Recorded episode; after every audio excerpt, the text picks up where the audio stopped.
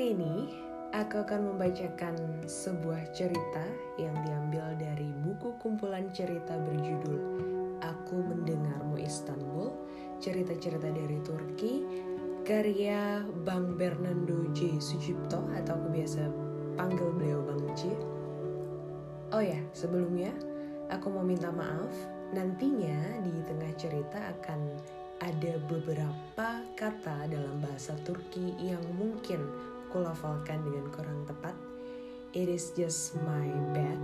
I'm sorry for that. But I'll just try my best. Happy listening. Aku mendengarmu Istanbul. Di bawah rintik hujan yang tak cepat berlalu, Tepat di sebelah warung lotek ada kursi kayu cukup panjang untuk diduduki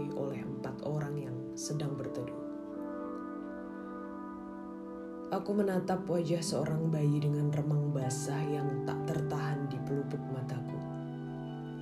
Air mataku sudah bercampur sisa-sisa air hujan yang membasahi rambut dan wajahku di jalanan tadi. Sehingga orang-orang yang duduk di sampingku tidak akan curiga jika menatap wajahku. Pun wajah seorang bocah dalam dekapanku ini, biarlah hanya aku yang melihatnya. Tersembunyi di antara kain jarik yang separuhnya basah, entah oleh hujan atau air mataku. Mata dan rambut bocah ini mewakili sosok laki-laki yang lenyap seperti percikan air pada daun talas di musim hujan begini. Istanbul, berbisiklah melebihi tetes hujan di atas teras ini. Anakku, berbisiklah. Aku mendengarmu, Istanbul dan mataku tertutup.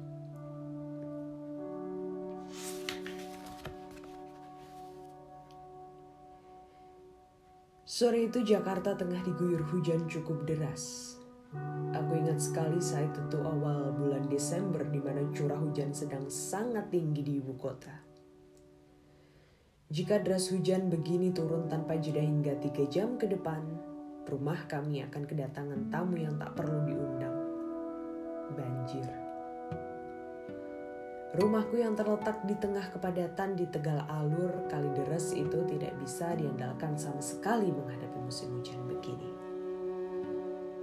Meski rumahku tidak berada tepat di pusat banjir, hujan di atas tiga jam sudah sanggup membawa malapetaka yang akhirnya kami anggap sebagai bagian dari suratan takdir. Duh, ini sudah takdir kita hidup di Jakarta. Untung ayahmu sempat membeli sepetak tanah dan membangun rumah permanen di sini. Kalau tidak, kita tentu sudah menjadi gelandangan. Atau mungkin pulang ke kampung. Ya, tapi di Purworejo tanah warisan juga sudah habis dijual. Aku ingat betul kata-kata itu sejak kecil hanya dengan cara begitu ibu mendidik kami berdua setelah ayah meninggal karena kecelakaan saat menyetir angkot di tengah kota. Setiap adikku menanyakan hal yang sama, ibu kembali mengulangi kalimat tersebut. Beberapa hari sebelumnya adikku yang berumur 9 tahun itu kembali menggerutu dan bersungut-sungut karena setiap hujan deras rumah kami selalu langganan banjir. Karena waktu itu hujan datang tengah malam, kami terpaksa menahan kantuk dengan duduk di atas meja di ruang tamu. Hasan dibiarkan tidur, sementara aku dan ibu bercerita hal-hal seru yang mungkin hanya bisa diceritakan di antara kami kaum hawa. Sore itu, tak ada yang kuingat selain sebuah pesan yang tiba-tiba masuk dari orang asing jauh di sana. Namanya saja susah aku lafalkan, apalagi mengingatnya. Aus top kuklu. Aus top kuklu. Hmm, tulisan asli dengan huruf yang berbentuk seperti cakar dan kuncir itu tak pernah kugubris. Nama itu pula yang pagi harinya masuk dalam daftar pertemanan di Facebook. Hey, hey, your name Fatma, you? Alls I am. Obrolan berhenti. Alls? Alls. Sekali lagi kulafalkan nama itu sembari menatap jendela rumah.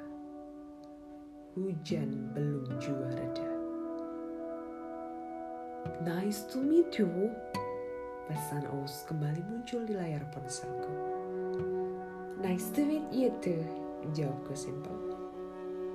Jeda lagi. Aku biarkan saja obrolan berjalan sekadarnya. Jikapun tertarik ingin mengobrol lebih lama, aku tentu saja akan melayaninya. Siapa tahu bisa menjadi teman baik dari latar belakang negara dan budaya yang berbeda. Ya, juga buat menambah wawasan. Ayo lo Turki.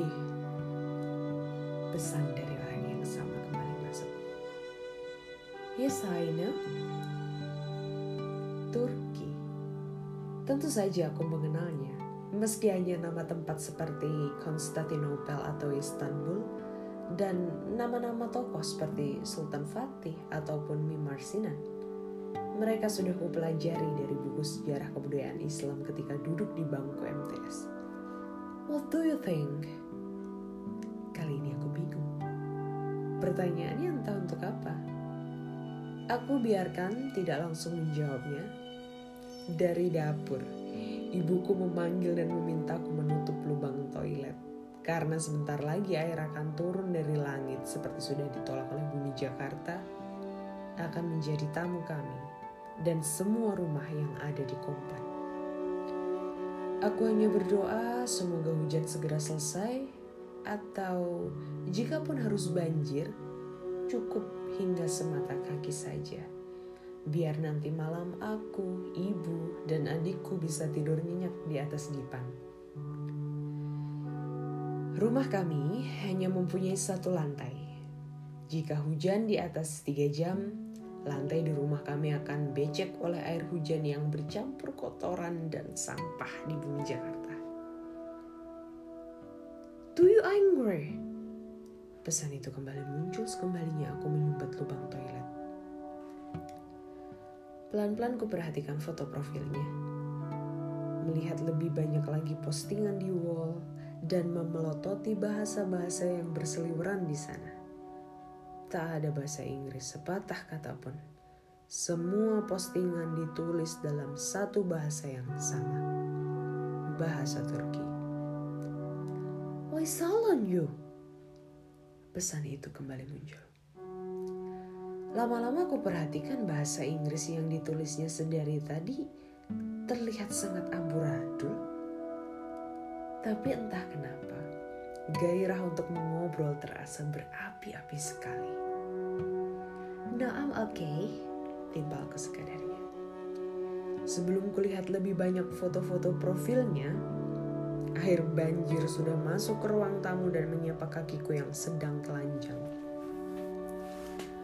Ruang tamu dengan kursi dan meja kayu di mana aku biasa duduk santai dari sore hingga menjelang petang akan segera digenangi limpahan air yang datang dari semua penjuru.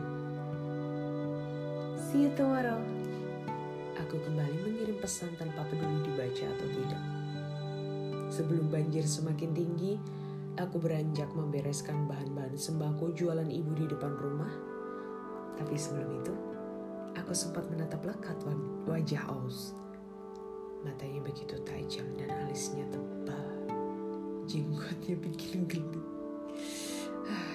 Tampannya desisku. Banjir malam itu ternyata hanya cukup semata kaki di rumah kami. Berarti kami masih bisa tidur nyenyak di atas kursi dipan yang dipasangi kasur tipis. Adik dan ibuku selalu tidur di sana. Sementara aku biasanya tidur di atas kursi panjang di ruang tamu atau kalau bukan musim hujan, aku menggelar karpet dengan kasur busa di depan TV.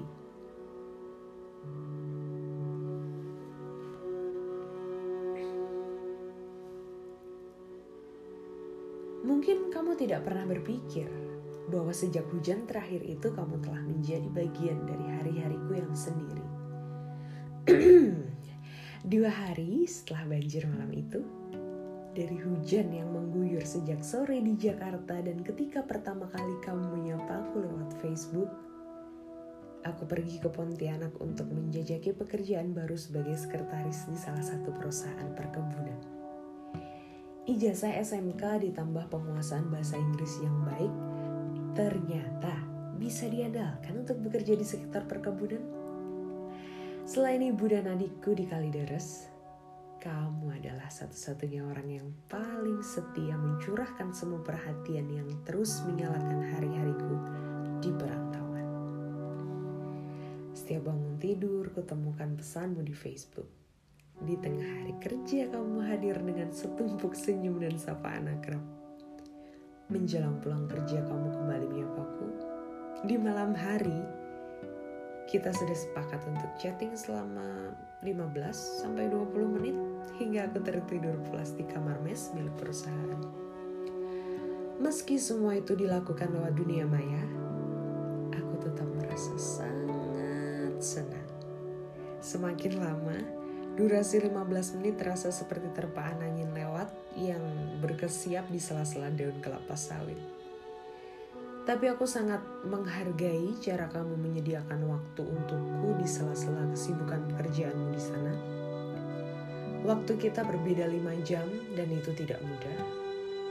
Tapi aku sangat bersyukur bahwa setiap akhir pekan kamu merelakan waktumu hingga berjam-jam untuk sekadar chatting atau video call. Aku pun mulai belajar bahasa Turki darimu. Kedai Den, yang artinya selamat pagi. I Kulash yang artinya selamat siang atau hari baik. I Akshalash yang artinya selamat bekerja atau selamat malam. Aku lupa. Oh iya, artinya selamat malam. I Kechalash yang artinya selamat tidur dan Hayirli Ishalash yang artinya selamat bekerja. Semuanya telah kuhafal dengan baik. Ditambah lagi, kosakata wajib yang harus hadir di tengah-tengah obrolan kita seperti Ashkem yang artinya cintaku, Shafiklam yang artinya kekasihku, atau Tatlem yang artinya Aku juga aku juga sudah mengenal sebutan khusu anak domba dan syukurim gulaku yang biasa kamu lontarkan setiap kali kita mengobrol. Untuk khusu, sebenarnya aku susah mencerna feelnya. Jujur aku belum nyaman dipanggil anak domba. Kenapa sekalian tidak kamu panggil anak anjing? Sudahlah. Ini juga pentingnya aku kenal kamu. Pelan-pelan aku bisa menerima karena inilah bagian dari warna kehidupan. Sungguh, oh, sungguh, betapa beruntungnya aku mengenalmu. Perhatianmu yang mungkin hanya dua hari setelah banjir terakhir itu, lalu di tengah perjalanan ke Pontianak, aku seperti lelehan timah yang tersepuh oleh kata-kata dan sanjunganmu yang khas dengan bahasa Inggris yang tersengal-sengal. Tapi untuk sekali, Facebook menyediakan emoticon untuk menyampaikan ekspresi yang terwakilkan oleh bahasa Inggrismu yang amburadul itu. Jejak pacarku si Anton, lelaki penakut yang taunya hanya minta dimanja itu, sudah tersapih dari hatiku dan diukir oleh kiriman bunga-bunga tulip di musim semi dari Istanbul. Darimu. Meski lelaki itu telah melukai hatiku begitu dalam, biarlah kuasa sendiri yang menjadi kekuatan bagi langkahku ke depan. Pada saatnya nanti, aku akan bercerita juga tentang si Anton ini, setidaknya agar kamu paham bahwa setiap kita mempunyai jalan dari masa lalu yang berliku. Hayırlı işler. Setiap hari kamu akan mengirimkan pesan itu pesan yang selalu muncul di waktu yang sama, tepat sebelum aku turun dan menginjakkan kaki di halaman. Kamu seperti telah menjadi ritme waktu yang menyatu dalam hidupku. Sejak hubungan kita semakin akrab dan dekat, aku memilih mempelajari bahasamu. Sudahlah, kamu tidak butuh lagi Google Translate yang banyak menipumu itu. Selanjutnya biar aku yang memahami bahasa dan ekspresi-ekspresi dari bahasamu yang paling intim sekalipun.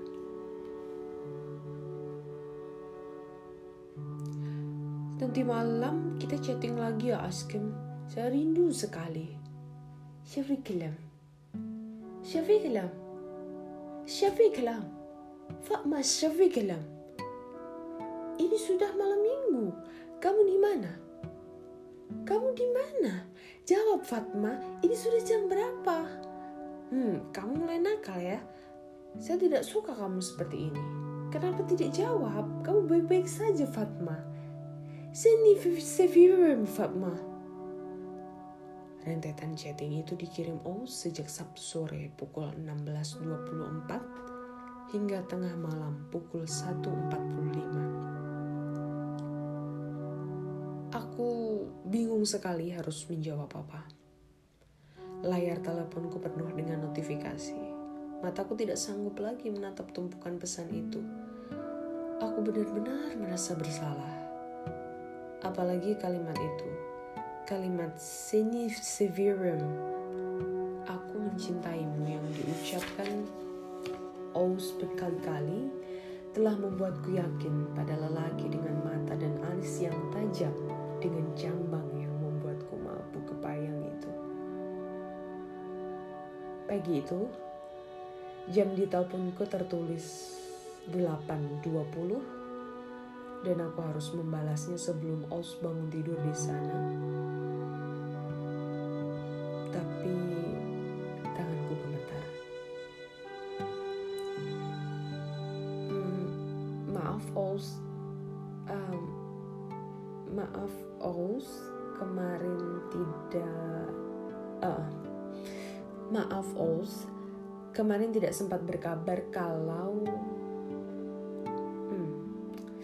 maaf Ous kemarin tidak sempat berkabar kalau ada acara dan pesan itu kutulis lalu kuhapus lalu kutulis lagi kuhapus kutulis lagi kamu ke mana kemarin tiba-tiba pesan dari Ous datang mendahuluiku Aku terhenyak. Ini pukul berapa di Turki? Pikiranku mendadak kacau. Maaf, Oz. Kemarin tidak sempat berkabar kalau ada acara dan ternyata... Hmm, hmm, maaf, Oz. Kemarin tidak sempat berkabar kalau ada acara dan ternyata di tempat acara tidak ada sinyal. Maafkan sefiklem. Terkirim, dibaca, Diam, belum ada balasan. Aku cemas, bukan main. Aku tidak ingin Aus kecewa lalu marah atau bertindak yang tidak sanggup ku dengar. Tidak apa-apa, saya maafkan Tadlem. Tapi kamu jangan nakal. Jangan lupakan aku. Aku sangat mencintaimu, Aske. Balasnya. Membaca balasan terakhir, kepalaku terasa diguyur air segar di pagi hari. Aku membalasnya dengan penuh senyum dan kasih sayang, tentu juga dengan cinta yang sudah semakin matang di antara kita.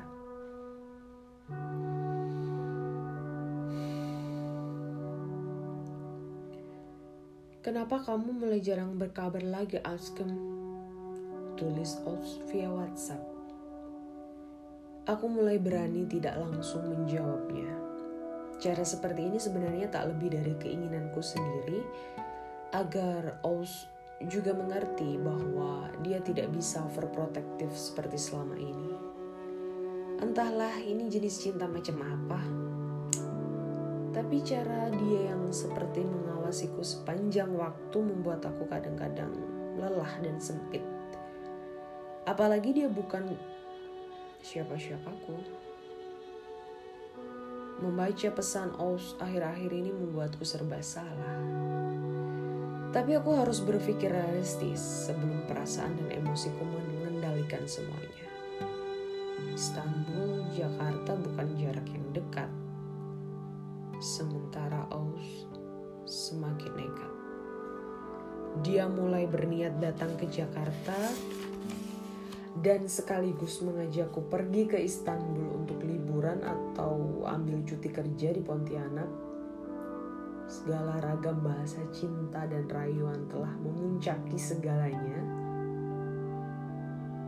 Semesta di sekitarku dipenuhi warna-warna merah hati. Semua tampak seperti warna mawar dengan semerbak surgawi. Siapa yang bisa menghindar dari serbuan kemilau cinta yang menggebu-gebu seperti ini? Bahkan Aus sanggup menanggung semua keperluan transportasi dan biaya hidupku selama di Istanbul. Mendengar semua itu aku benar-benar sempurna meleleh dan tahluk. Di waktu bersamaan, rasa penasaran dan keinginanku untuk menginjakkan kaki di negeri dua benua itu semakin membara. Aku tidak mempunyai teman yang bisa memberiku masukan-masukan untuk kisah cinta yang rumit begini. Sebelumnya, aku tidak pernah menghadapi seorang lelaki dengan misi menaklukkan hati yang parah seperti ini. Hatiku bukan Konstantinopel yang harus ditundukkan oleh puluhan ribu pasukan terbaik Sultan Al-Fatih. Hanya perhatian tanpa mengenal batas dan kehadirannya yang tanpa jeda telah mampu membuat samudera dalam dadaku begitu tenang, terdiam, dan tersanjung seketika. Tapi kisah cinta ini tidak mudah bagiku. Bukan soal laki-lakinya yang rumit, tapi jarak dan perbedaan budaya di antara kita. Ibuku sebenarnya sudah pasrah dan menyerahkan semua pilihan hidupku pada diriku sendiri. Hanya satu pesan yang sering diwanti-wanti. Pikirkan jarak dan kenali dulu orangnya hingga benar-benar sama-sama tahu. Betul juga maksud ibu. Aku harus kenal dulu sebelum nikah dan ibu selalu meminta Aus datang ke Jakarta agar mengenali kehidupan kami. Setiap kali kutanya kapan ke Indonesia, jawaban Aus selalu sama. Askem, aku sedang sibuk dengan pekerjaan dan mengumpulkan uang untuk masa depan kita, buat rumah, buat mobil, dan semua keperluan kita kalau nanti sudah menikah. Jangan khawatir, aku pasti ke Jakarta.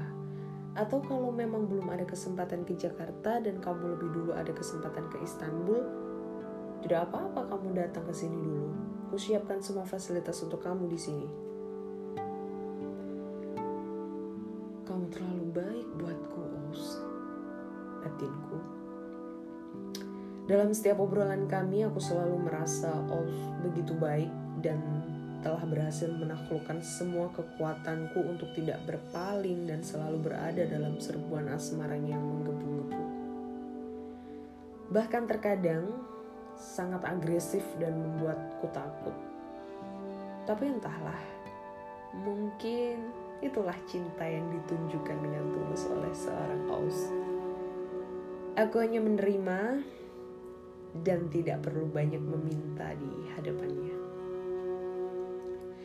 Akhirnya, keyakinan telah mengalahkan rasa takut. Aku bersama dengan semua pilihan dan keputusan hidupku berangkat ke Istanbul untuk menemui Oz. Ya, aku sudah memutuskan untuk pergi ke Istanbul setelah semua urusan administrasi seperti paspor, visa, dan tiket beres. Senang sekali Aus sudah membantu semuanya dan meyakinkan aku untuk pergi ke Istanbul dan menemuinya. Jalan hidup seperti ini tidak akan pernah kulupakan. Bahkan ibuku seperti masih tidak percaya atas tekad dan keberanianku ini. Tinggallah di sini sesukamu, ujar Aus. Apa yang dijanjikannya dalam chatting kami sudah dipenuhi semua. Saat pertama kali bertemu, dia akan langsung memelukku sembari menyodorkan baklava, penganan manis yang sudah menjadi andalan di Turki, lalu mengantar mengantarku ke Hagia Sophia. dan Masjid Biru Sultan Ahmed. Setelah tiga syarat pertemuan itu sudah lunas, kami bebas menikmati lorong-lorong berbukit di Istanbul.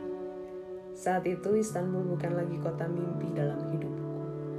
Aku bisa menghirup napas di antara kecipak ombak Bosporus sembari menikmati teh, memandang wajah Oz, dan memegang erat kedua tangannya. Aku disewakan sebuah flat di dekat Blue Mouse dan bisa menikmati keramaian Fatih di sisi kanan sekaligus bisa memandangi sholat. Saya ingin menikahimu, kata Aus di hari kedua aku di Istanbul. Aku terhenyak. Bagaimana aku bisa bilang iya sementara aku belum kenal keluarga Aus dan dia juga belum kenal langsung dengan keluargaku. Untuk beberapa detik aku tidak bisa menatap wajahnya. Aku mengalihkan pandanganku pada tiga butir gula kotak dengan bungkusan kertas tertulis Turku Kupseker Gula kubik Turku Sembari mendongak Aku menjawabnya Datang dulu ke Jakarta bertemu ibu Semasih di sini Aku juga ingin bertemu keluargamu Tidak perlu bertemu keluarga saya kalau belum jelas keputusannya. Oh, kalau aku siap menikah denganmu, Askem. Tapi aku ada ibu dan keluarga di Jakarta yang harus kamu temui. Obrolan selesai. Aus pergi dengan ekspresi kecewa yang coba disimpan di sela-sela cambangnya yang mulai tebal. Hari ketiga, Ols datang pagi-pagi sekitar pukul 7 ke flat. Di luar masih sepi. Akhir musim gugur juga membuat orang-orang malas untuk beraktivitas pagi ini. Ols tampak seperti gelisah pagi itu. Aku tidak mau menerka-nerka ada apa dalam pikirannya sepagi itu. Aku hanya curiga. Jangan-jangan ini menyangkut kedatanganku Sejak malam pertama di Istanbul, dia minta tidur bersamaku. Aku menolaknya karena itu sudah jadi perjanjian sebelum aku berangkat. Dia mengerti meski dengan muka yang cemberut dan sedikit marah. Tapi terkadang wajahnya tampak manja dan memintaku untuk selalu bersamanya sepanjang waktu di Istanbul. Melihat situasi yang tidak mengenakan begitu, antara rasa sayang dan rasa takut yang menghantui, aku terpikir untuk segera kembali ke Indonesia. Pagi itu, Oz mengajakku sarapan di Simit Serai dekat Masjid Sultan Al-Fatih. Aku belum membayangkan semuanya kan sedalam itu. Semakin dalam melihat mata dan alisnya,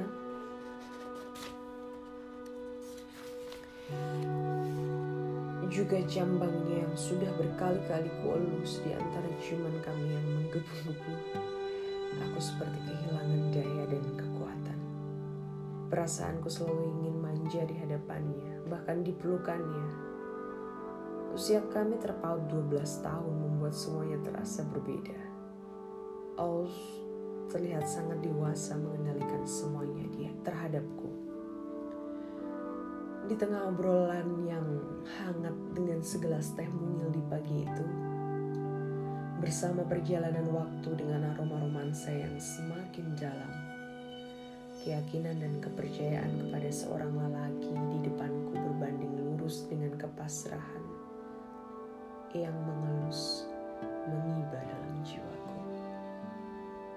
Di tengah rasa percaya yang tumbuh semakin menguat, aku dengan kesadaranku sendiri mengiyakan keinginannya untuk menikahiku melalui imam nikahi atau nikah imam. Tapi aku ingin bertemu keluargamu Asken, pintaku sekali lagi. Nanti sekalian kalau kita sudah mau lamaran resmi, saya bawa keluarga saya ke Jakarta. Jawabnya datar. Aku diam, mencoba percaya pada sosok yang sudah lama aku kenal itu. Aku juga tidak ingin memaksa Oz mempertemukanku dengan keluarganya di Istanbul. Tapi mulai merasa aneh. Kenapa aku tidak boleh bertemu dengan keluarganya? Padahal dia sudah yakin dengan akan menikahiku lewat imam dulu, lamaran, lalu nikah secara hukum negara. Tapi entahlah, aku pasrah saja. Aku sudah terlampau jatuh dan tersungkur dalam pelukannya. Sebenarnya aku masih terpikir untuk mengontrol semua yang kulakukan bersama Aus ketika malam-malam di kamar flat berwarna hijau tua itu beradu dengan kecipak ombak Bosporus. Tapi semua itu lenyap dan kalah di tengah keasyikan kebersamaan kami. Dalam pelukannya, aku berubah seperti burung kutilang yang lincah dan manja. Menikmati keindahan Istanbul bersama Oz dari pagi, sore, malam, aku merasa makin menyatu dengan kota tua bersejarah itu. Durasi tinggalku di Istanbul pun diperpanjang hingga 12 hari. Waktu bergerak cepat dalam keindahan dan kesyahduan bersama Oz. Tetapi menjelang kepulangan, aku kerap melihat Oz menitikan air mata. Um, aku kadang merasa aneh melihat matanya yang remang dengan air mata. Tetapi, bukankah ada tangis kebahagiaan? Saya tak ingin kehilanganmu, Asken. Tak ingin. Suaranya lirih, diiringi remang air mata yang mulai menetes di atas bantal. Aku semakin erat memeluknya sambil berbisik. Segera datang ke Jakarta. Dan kita bisa hidup berdua selamanya.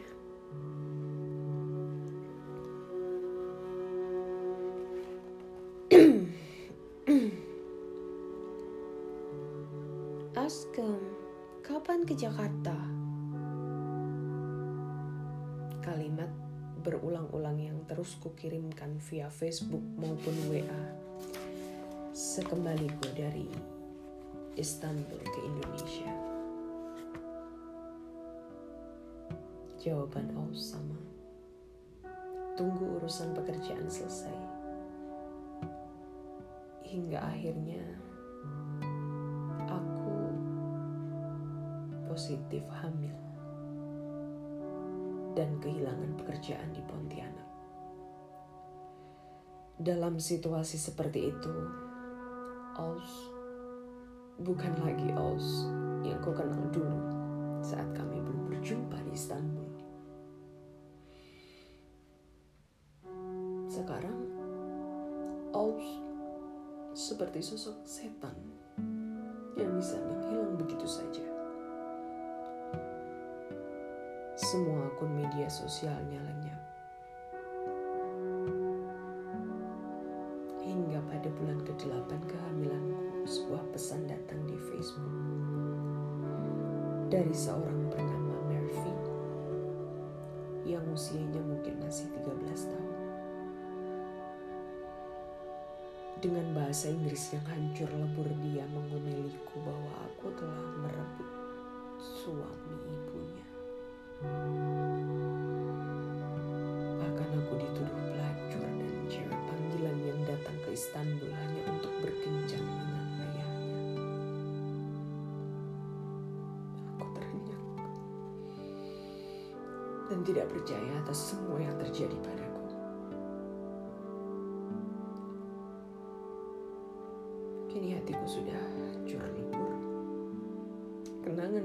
Mendadak hadir begitu menyeramkan dengan wajah seorang lelaki yang hari ini seperti setan dalam ingatanku.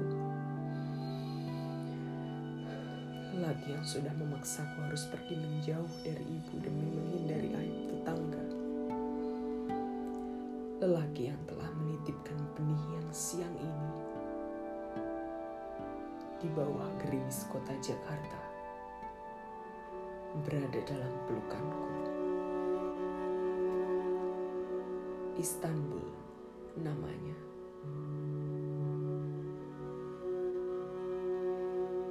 Turki, Indonesia, 2017-2018